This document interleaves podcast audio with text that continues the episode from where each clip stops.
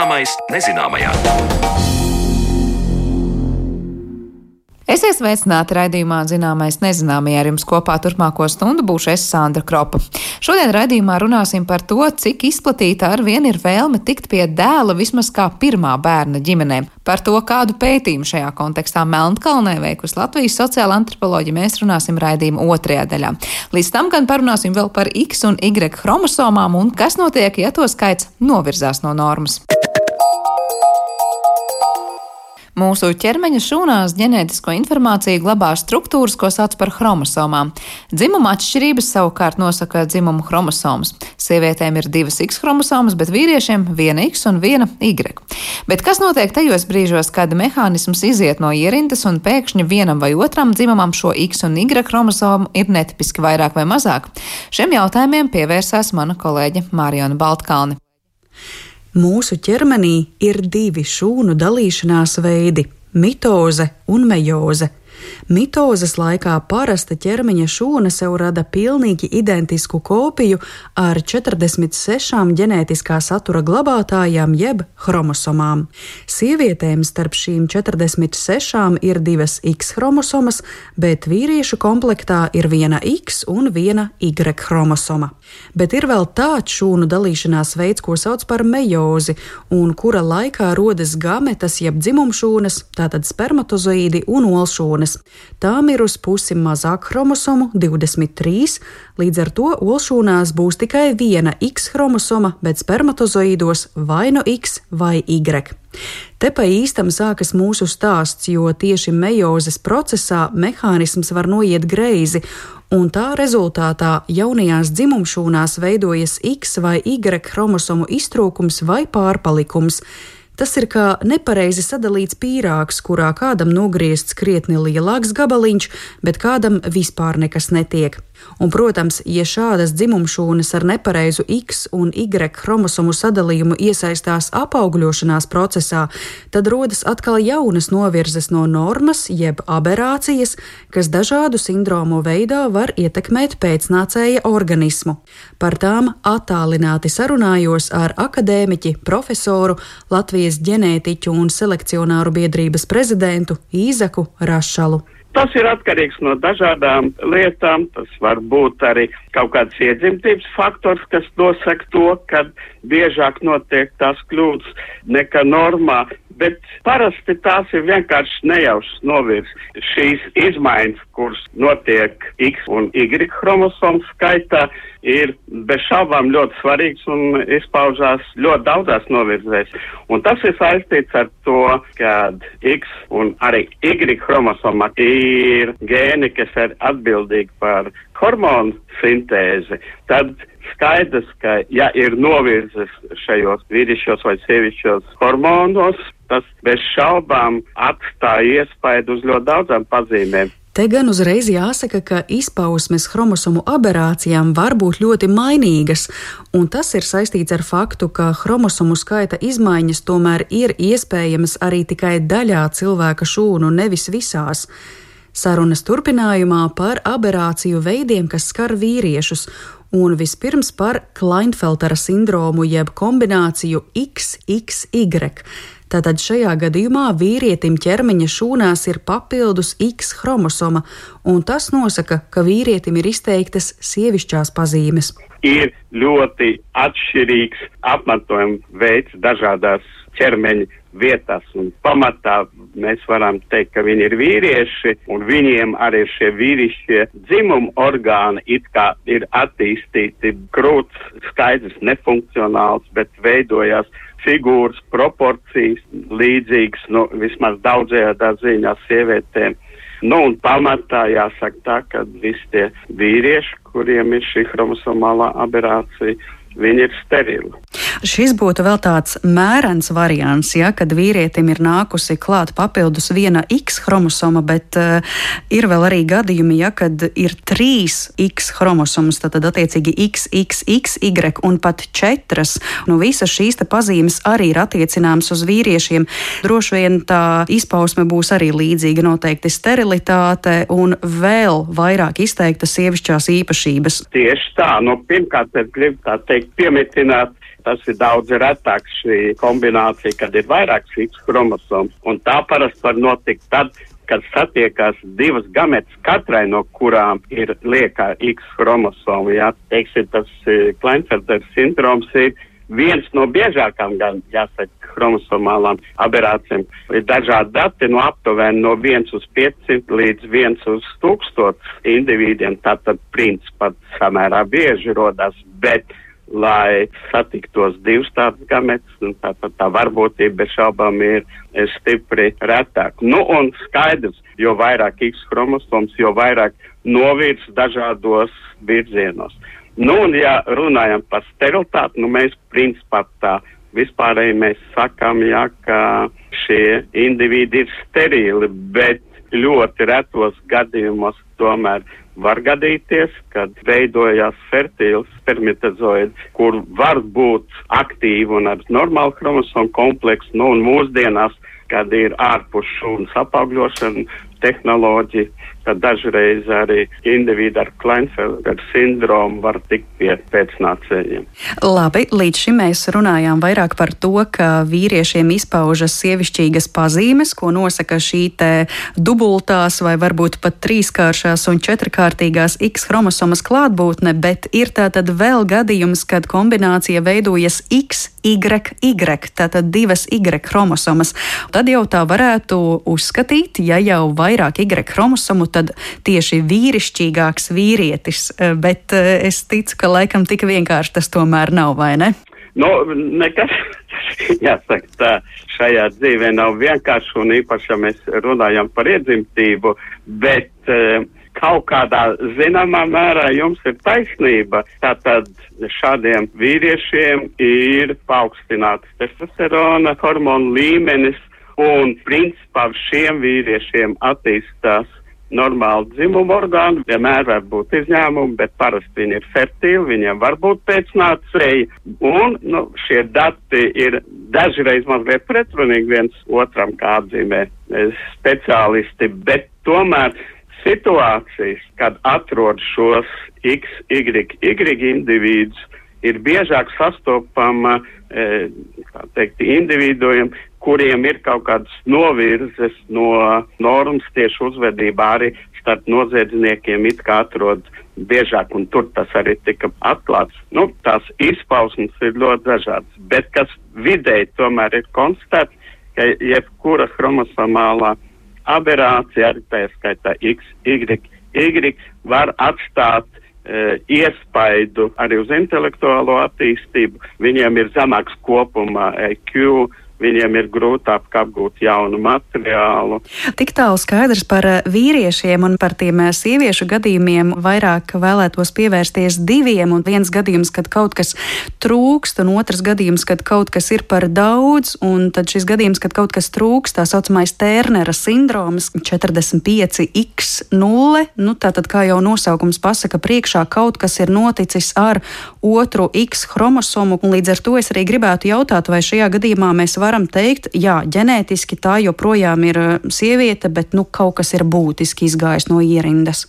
Tieši tā. Tātad vīrišķo dzimumu nosaka Y chromosoms klātbūtne, un tātad, ja nav Y chromosoms, ja, nu, tad šis organisms attīstās kā sieviete.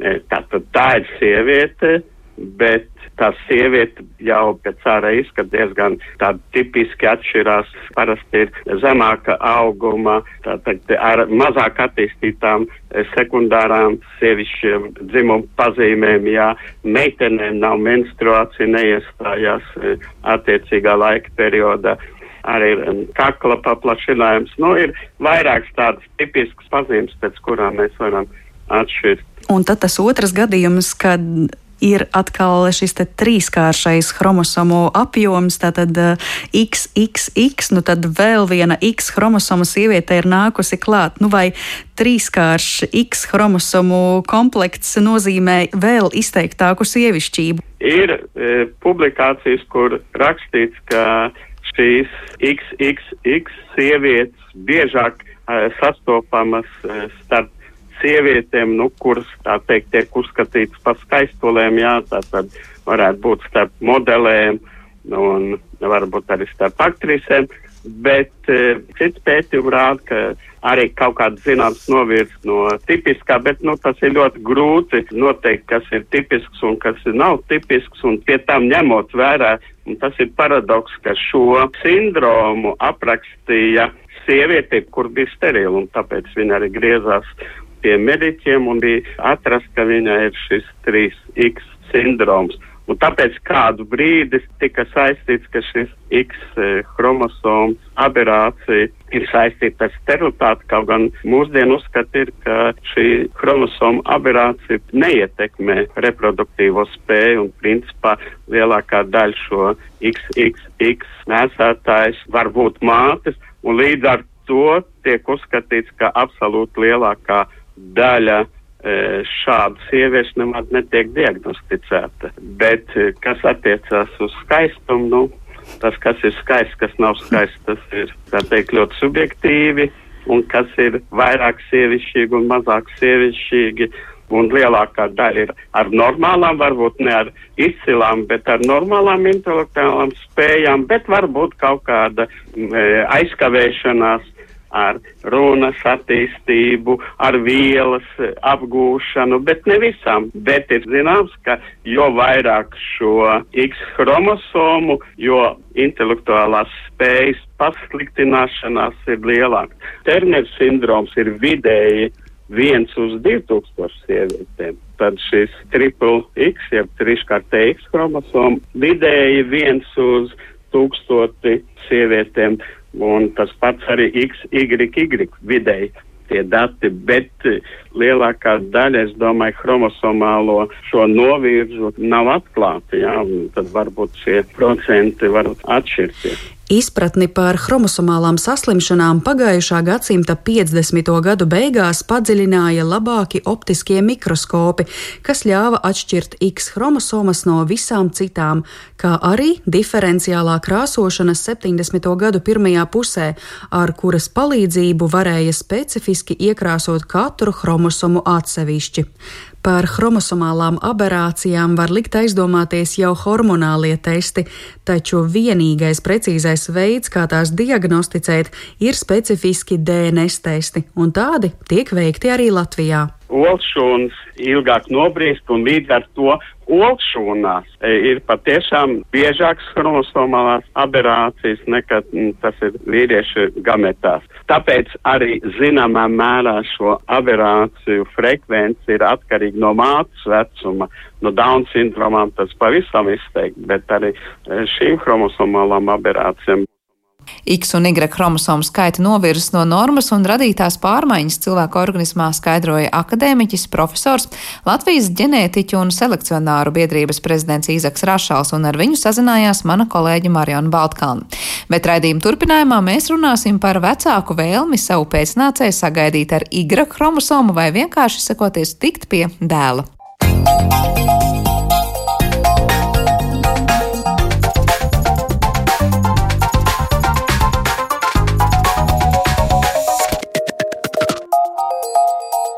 Zināmais nezināmajā. Raidījuma turpinājumā mēs runāsim par to, cik izplatīta ar vienu ir vēlme tikt pie dēla vismaz kā pirmā bērna ģimenē. Vai zēna ģimenēs tiek vairāk gaidīti un kāpēc tā, un kādas prakses Eiropā un citviet pasaulē piekopja pāri, lai saviem mērķiem pietuvotos. Lai par to visu runātu, studijā esam aicinājuši sociāla antropoloģu un Rīgas Stradiņu universitātes komunikācijas fakultātes pētnieci docētāju Diānu Kiščenko. Labdien, Diāna! Sveicināts, Sandra. Es zinu, ka pirms dažiem gadiem sanāca būt, ja nekļūdos Melnkalnē un e, veikt pētījumu par to, ka tur notiek dažādas prakses. Kas tad sievietēm ir jādara, lai viņas ne tikai paliktu stāvoklī, bet tieši dzemdētu pēc tam dēlu?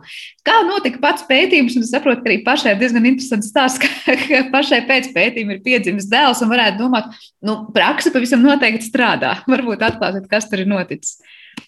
Jā, tā tad pētījums notika 2017. un, un 2018. gadā, un tas bija mans pētījums manai topošajai, topošajai, topošajam promocijas darbam, pie kura pamazām sāku strādāt un devos uz Melnkalni, lai, lai izprastu šajā valstī notiekošo, un, un tas man, uz to man pamudināja dažādi veidu statistikas dati, kas liecināja, ka Melnkalna līdzās dažām Āzijas un, un, un valstīm uh, ir starp tām, kurās uh, dažos, uh, pašu, dažās pašvaldībās dzimst vairāk zēnu nekā meiteņu. Protams, ka pasaulē tā globāli tiek pieņemts, ka vispār dzimst vairāk zēnu nekā meiteņu, bet nu, Melnkalnē un citur pasaulē šie rādītāji gāja ārpus normas. Uh, Un, protams, nonākot Melnkalnē, es sapratu, to, ka, nu, ka šis, šis ir mm, tāds aktuāls temats, un, un, un tur droši vien var skatīties daudz un dažādos virzienos. Un, Un tas, ko es, tas, ko es darīju, es skatījos, nu, kā vispār cilvēki domā par ģimeni, ģimenes plānošanu, par to, cik bērnus vajag, cik, cik zēnus vai cik meitenes. Un tad, tad atklājās, ka tās, tās idejas un prakses ir ļoti, protams, dažādas. Ir, ir ģimenes, kuras uzskata, ka, nu, ka vajag gan to zēnu, gan to meiteni. Ir tādas, kuras saka, mums galvenais, lai piedzimst uh, dzīves un vesels. Tas gan atkārtojas ļoti bieži. Uh, Un tad, protams, bija situācijas, kur ģimenes varbūt tā ļoti netieši tā norādīja, ka, nu, ka tomēr nu, vajag to dēlu. Bet kas ir interesanti, ka, ka neviens neteica, ka ne, vajag tikai dēlu vai dēlus. Ģimenes bieži uzsver to, ka, vajag, nu, ka tas ideālais ir, ka ir šis dzimuma līdzsvars, ka ir gan puisīts, gan meitenīte. Nu, tas ir tas uh, ideālais, ko tiekties. Un, un nav jau tā, ka viņi saka, ka nē, nu, nevajag meitas vai, vai meitas nav vēlamas. Viņi saka, ka nu, vajag vismaz vienu dēlu. Tāds, tāda ir tā loģika. Respektīvi, ka arī meitas ir ļoti gribētas un, un, un gaidītas, bet uh, nu, vajag šo dēlu. Bet nesaka, bet vajag vismaz vienu meitu, ja tādas prakses nav. Nē, tā, tādas prakses nav. Nē. Citur pasaulē gan ir pētījumi, kas pēdējos gados kas uzrāda to, ka, ka ir ģimenes, kuras labprātāk pat izvēlas meitas. Ja ir iespēja tikt pie pēcnācēja, tad labāk, lai ir viena meita, nevis dēls. Jo izrādās, ka meitas daudz vairāk veido tādu emocionālu kontaktu ar vecākiem, viņas daudz vairāk parūpējas par viņiem vecumdienās. No nu, tiem dēliem dažreiz ir kā ir. Un, un, un tiek, jā, piemēram, Ķīnā bija viens pētījums, kur uh, iznāca grāmata 2018. gadā, un tur tieši runāja par to, ka uh, uh, izvēlās meitas, uh, nevis, nevis uh, dēlus. Jā. Ja ir iespēja, protams, izvēlēties. Jā, par to, kāpēc 21. gadsimtā joprojām nu, liekas, būtu atšķirība dēls vai meita, mēs vēl parunāsim, bet kā tajā Melnkalnē? Nu, labi, tur tātad tas īpatsvars bija izteikti liels tiem puisīšiem, kas piedzimst. Izdevās noskaidrot to iemeslu, kāpēc? Paši melnkalnieši saka, ka nu, tā ir mūsu tradīcija. Nu, tā, tā mēs domājam un dzīvojam. Protams, ka daļa sabiedrības tam, tam nepiekrīt. Un tie iemesli droši vien ir jāskatās, ir jāskatās atpakaļ, ir jāskatās pagātnē, kā cilvēki ir domājuši, dzīvojuši. Respektīvi, viens no tiem aspektiem ir tāds, ka, kurš manto ģimenē, kuram, kurš pēc tam saņem visu to, kas ģimenē pieder, kurš ir tas, kas, kas to visu visu pārņem. Un, un, un tā ideja Melnkalnē ir tāda, ka to pārņem. Uh, nu, dēls vai jebkura cita vīrieša dzimuma radinieks. Piemēram, manai kolēģei, kas man palīdzēja veikt pētījumu, viņa ir vienīgā meita, un uh, viņas tēvam pieder zeme kalnos. Un, un viņa tā kā ar tēvu jau ir tādas neformālas sarunas, ka viņi varētu to visu mantot, bet pēkšņi uzradies viens radinieks, kurš uzskata, nu, kas tās par muļķībām, taču viņam, kā, kā brālim vai brālēnam, brāļa dē, brālēna dēlam, viņam ir šī priekšroka to visu mantot. Respektīvi, tas ir mantošanas jautājums. Otrkārt, tas ir arī vēsturiski par to, kā tika organizēta dzīve. Agrāk sieva, sieviete bija tā, kas devās, ieprecējās vīra ģimenē, pārvācās pie vīra un, un dzīvoja ar vīru un viņa vecākiem. Šajās, šajā mājsaimniecībā. Un tas, protams, ir saistīts ar to, kam vispār sabiedrībā pieder uh, vara uh, vara, sociālā, politiskā, ekonomiskā vara. Nu, tad mēs nonākam pie vienas atbildes, ka vismaz vēsturiski lielākajā daļā Melnkalnes tie ir bijuši vīrieši. Nu, tad, respektīvi, viņi tur savās rokās ļoti daudz ko. Un, un, protams, ka sabiedrība ir ieinteresēta, lai tas, lai tas turpinātos. Un, ja mēs skatāmies no otras puses, nu, kas tad tur slikts, ja tās meitas tur manto tās lietas? Uh, tas iznāk tā, ka um, melkalnieši vēl joprojām zina tādus izteicienus, kā um, piedzemdēt un audzināt meitu ir kā laistīt svešu dārzu. Tā ideja, ka meitai vienmēr ir tāds, meita ir tāds pagaidu, pagaidu bērns, nu, tāds pagaidu ģimenes loceklis, kurš pārvietosies kaut kad dzīves laikā no tēva mājas uz vīra māju. Respektīvi, viņai ir šis īslaicīgums. Un, ja mēs dodam meitai īpašumu, tas nozīmē to, ka mēs padarām bagātāku iespējams, pilnīgi svešu ģimeni, mēs atdodam kaut ko, ko mēs paši esam akumulējuši savā dzīves laikā, citiem cilvēkiem. Protams, un tas neviens to negrib. Nu kā, mans ir mans. Un tāpēc, tāpēc tas ir viens no apsvērumiem, ka negrib izlaist no rokām tos resursus, kas, kas, kas ir bijuši. Nu, labi, tas, ka viņi to negrib, un visa šī kultūras tradīcija, kas to diktē, tas ir skaidrs, kāpēc varbūt tādā sabiedrībā dzīvojot, viņi saka, nu tad labāk dēls nekā meita. Bet kā viņi reāli panāk, kad dzimst vairāk puisīšu, jo nu, tur nav tikai ar gribēšanu vien nepietiek. Jā, un Ta, tieši tā, un tas ko, es, tas, ko es atklāju, ir tas, ka cilvēki savā, savā, vēl, savā vēlmē tikt pie tā, pie tā dēla izmanto ļoti dažādas idejas un prakses savā ikdienā, bieži vien tādas konfliktējošas.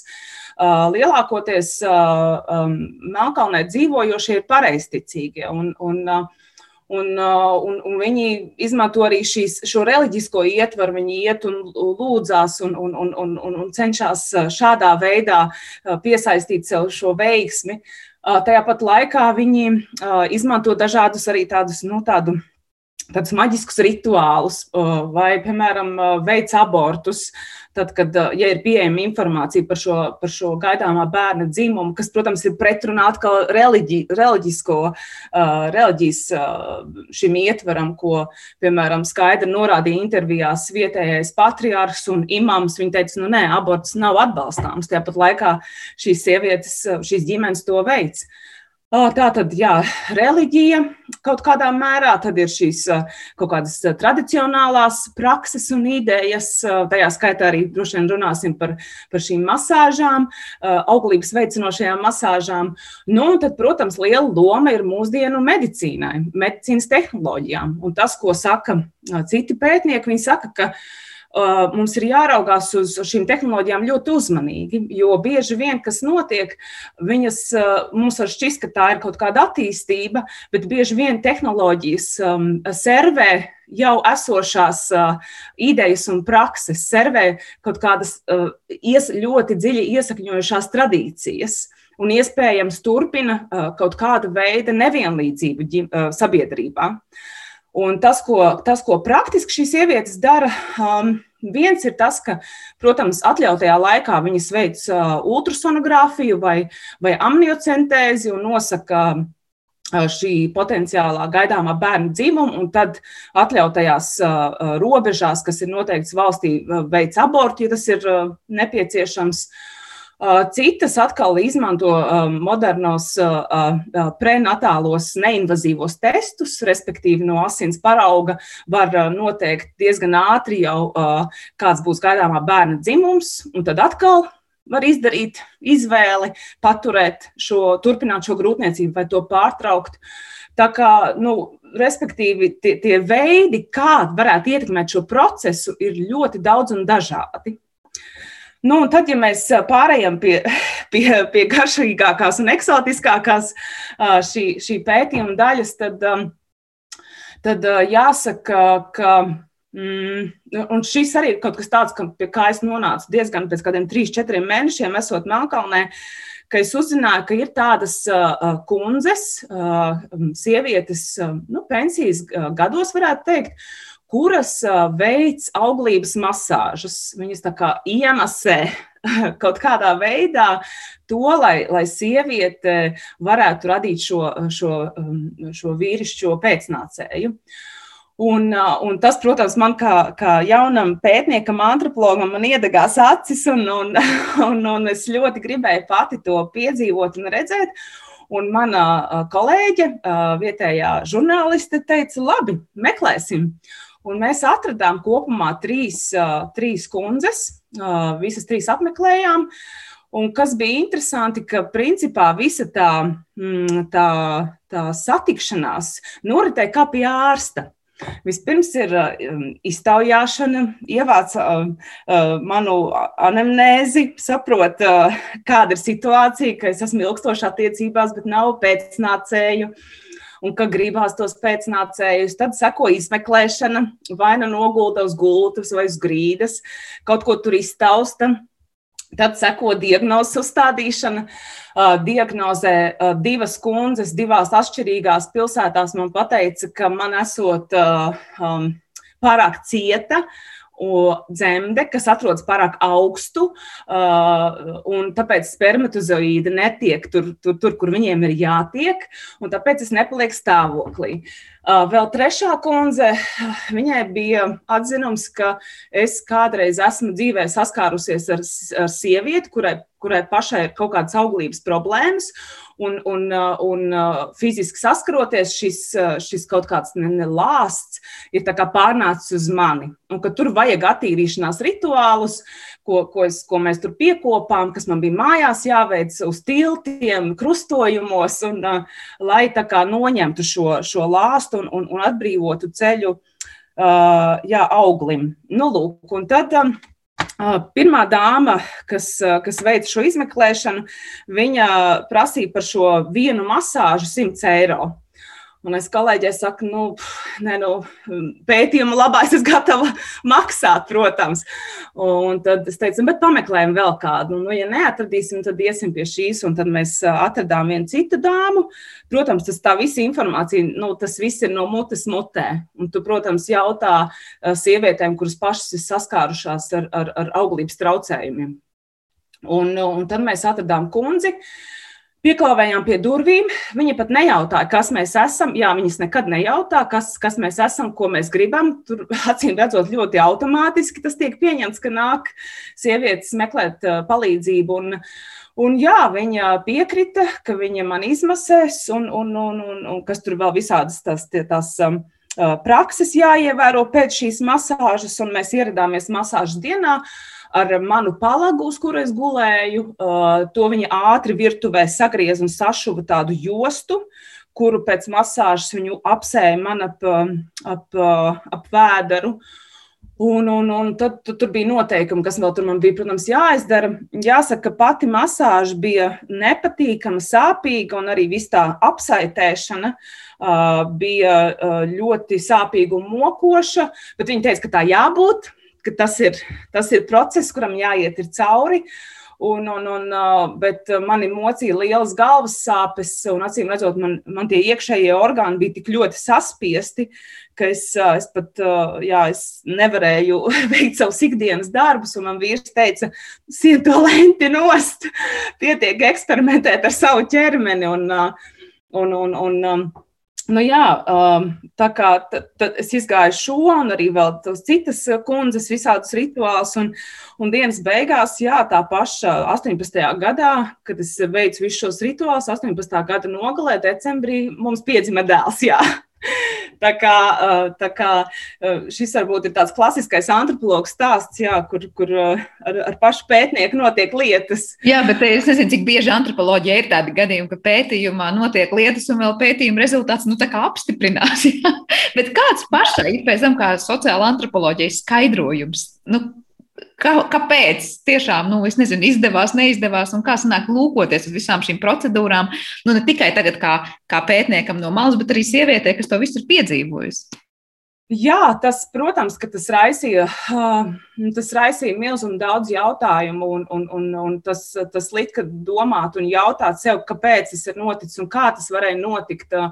Man, protams, ir daudz tādu ļoti racionālu, kā jaunam pētniekam, man daudz tādu racionālu izskaidrojumu. Tajā laikā, kad es dzīvoju Melnkalnē, es trīs reizes nedēļā sportoju, ēdu veselīgi, nometu svaru, labi gulēju. Respektīvi, no, tur bija ļoti daudz tādu labu apstākļu, lai, lai pēc tam uh, varētu palikt stāvoklī. Un, protams, ka tas ir saistīts droši vien ar personīgo dzīvi, ar to lielo prieku, to sajūsmu atgriezties Latvijā, būt kopā ar vīru un, un, un droši vien viss tā, tās, tās, tās emocijas. Uh, tas, es domāju, tas viss ir kaut kā ļoti, ļoti komplekss. Un arī, kā es esmu runājis ar reproduktologiem, reproduktologiem logiem šeit Latvijā, viņi saka, ka bieži vien uh, viņi viena trešdaļa gadiem viņi nespēja izskaidrot, kāpēc kāds paliek vai nepaliek stāvoklī.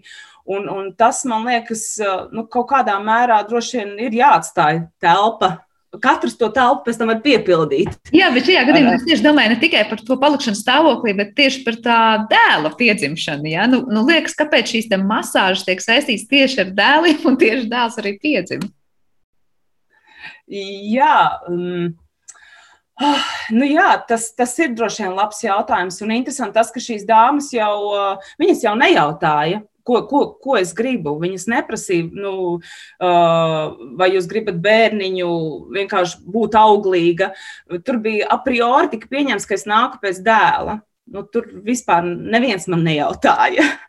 Un, un, uh, nu, jā, un tad um, Un es acīm redzot, domāju, ka tas ir arī, nu, ja ir šis pieprasījums, arī ir šis piedāvājums. Un, un lielā mērā tas ir par to, ka cilvēki nu, mēģi, izmēģina visu, kas ir pieejams, un viņi pat tad, ja viņi netic tam, viņi ies un to darīs. Un, Un, un, un mēs nav jau nekur tālu, mums jāvērš skatiens, mēs varam paskatīties uz sevi kā uz sabiedrību.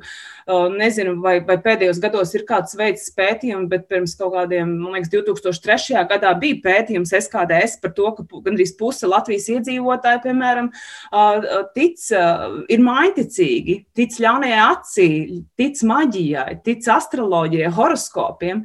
Respektīvi, nu, tas, tas, tas ir par to, ka nu, ka mēs uh, ticam kaut kam, ko mēs nezinām, nespējam izskaidrot. Nu, vēl jau vairāk gadījumos, ja kaut ko ļoti vēlamies? Bet es skatos, ka Melnkalnas gadījumā tas iedzīvotājs skaits nu, iet uz augšu. Var teikt, ka vispār kopumā dzimstība pieaug valstī, un šīs kaut kādas arī procedūras vispār ir arvien populārākas tajā sabiedrībā. Vai te mēs runājam par kādiem atsevišķiem ciematiem un tās tādas nu, izņēmumu pat varbūt teikt gadījumu? Es droši vien vairākas liecos teikt, ka tie ir atsevišķas sabiedrības grupas, kuras, kurām tas ir svarīgi un kas to, kas to mēģina panākt. Jāsaka, ka Melnkalns gadījumā, kas ir interesanti, ka no vienas puses šie jautājumi ir aktualizēti pēdējos gados, tomēr ko mums rāda statistika un, un ko arī saka demogrāfija, ka šī tendence prioritizēt dēlus patiesībā samazinās ka, piemēram, ja pirms vislielākais pīķis bija ap 2000. gadu, sākot no 80. un 90. gadiem, tagad tas pamazām, pamazām patiesībā samazinās. Un, un, un tas, tas, tas konfliktē ar to, ka, nu, ka cilvēki tagad organizācijas, starptautiskās vietējās to sāktualizē, kas, protams, ir labi, jo acīm redzot, vēl joprojām tā praksa pastāv. Bet, bet um, noteikti no, no statistikas viedokļa varētu droši teikt, ka nē, tā nav augoša tendence. Bet kopumā tas ir nu, pārsteigums, ka Eiropā kaut kas tāds tā šobrīd joprojām ir dzīvot spējīgs un iz, nu, nu, teikt, izplatīts, lai arī kaut kādos noteiktos sabiedrības slāņos varbūt. Un tomēr nu, 21. gadsimtā vēlēties tikai, piemēram, primāri, lai, lai puika piedzimst, nu, prioritizēt šos dzimumus.